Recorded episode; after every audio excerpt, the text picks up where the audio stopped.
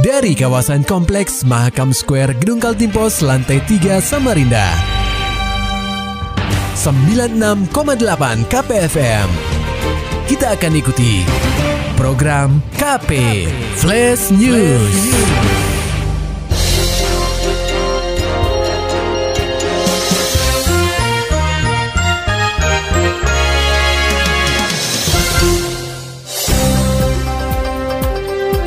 Anda sedang menyimak program KP Flash News bersama saya Agung Pratama. Pendengar KP gara-gara masalah sepele supir travel aniaya pengendara roda 2 pakai obeng. Laporan selengkapnya akan disampaikan reporter KPFM Samarinda Muhammad Nur Fajar. Pendengar KP, akibat permasalahan sepele, sopir travel berinisial RA harus merasakan dinginnya jeruji besi pasca melakukan penganiayaan terhadap pengendara roda 2 bernama Yusrian Syah. Kapolresta Samarinda, Kombes Pol Arif Adli mengungkapkan, peristiwa ini terjadi pada Minggu 31 Desember 2023 sekitar pukul 14.00 waktu Indonesia Tengah, di mana RA menggunakan mobilnya sedang melintas di sekitar Terminal Lempake, Jalan DI Panjaitan, Samarinda. Tiba-tiba, ada sepeda motor korban melintas di depannya, sehingga pelaku membunyikan klakson mobil. Entah karena terkejut atau apa, tiba-tiba korban terjatuh dari sepeda motornya. Pelaku langsung turun dari mobilnya dan mendatangi korban. Cekcok antara keduanya pun tidak terhindarkan lagi dan membuat sopir travel itu melakukan pemukulan kepada korban di area pelipis. Tidak berhenti di situ, pelaku mengambil obeng di dalam mobilnya dan mencoba menghantamkannya ke pelipis korban.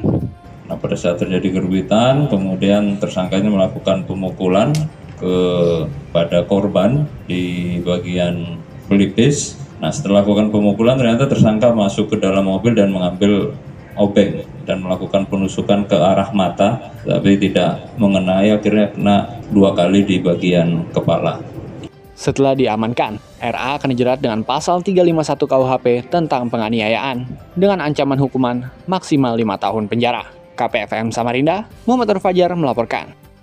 Berita selanjutnya pendengar KP, Wali Kota Samarinda Andi Harun meninjau lokasi pemukiman warga di Jalan M Said Gang 6, Blok F, Kelurahan Lok Bahu, Kecamatan Sungai Kunjang, pasca insiden retaknya tanggul geoframe system yang berpotensi jebol. Imbas proses pengerjaan perumahan Bukit Mediterania Cluster Premier Hills pada Jumat 29 Desember 2023. Dalam lawatannya ini, orang nomor satu di kota tepian itu bertemu langsung dengan pihak pengembang yakni perumahan Bukit Mediterania beserta tim insinyur mereka serta perwakilan warga dan ketua RT setempat didampingi dengan berbagai kepala organisasi perangkat daerah di Pemkot Samarinda. Dikonfirmasi usai peninjauan, Andi Harun menyampaikan bahwa tinjauan ini dilakukan untuk melihat lebih dekat kondisi dari lokasi kejadian.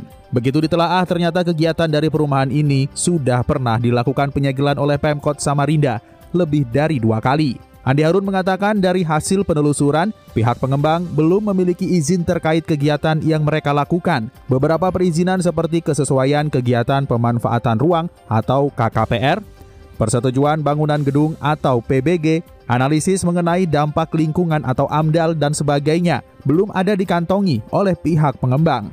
Andi Harun menjabarkan dirinya telah memberi empat arahan kepada aparat Pemkot serta imbauan atau tekanan kepada perusahaan melalui kepala humas di perusahaan tersebut. Ia pun sudah mengarahkan jajarannya untuk menyegel aktivitas perumahan sampai mengantongi perizinan yang belum lengkap. Kegiatan di sini sudah pernah dilakukan penyegelan oleh pemerintah kota. Sudah lebih dari dua kali. Dan alasan humas tadi katanya nggak dibuka sendiri, apa nggak sengaja dibuka, tapi jatuh-jatuh sendiri.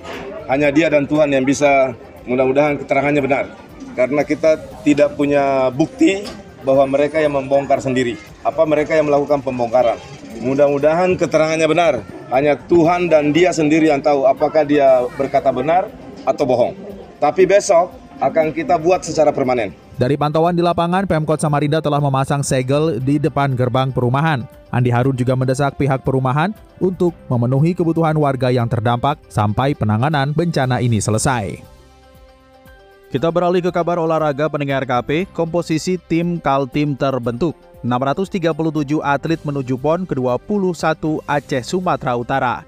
Laporan selengkapnya disampaikan reporter KPFM Samarinda, Maulani Al-Amin.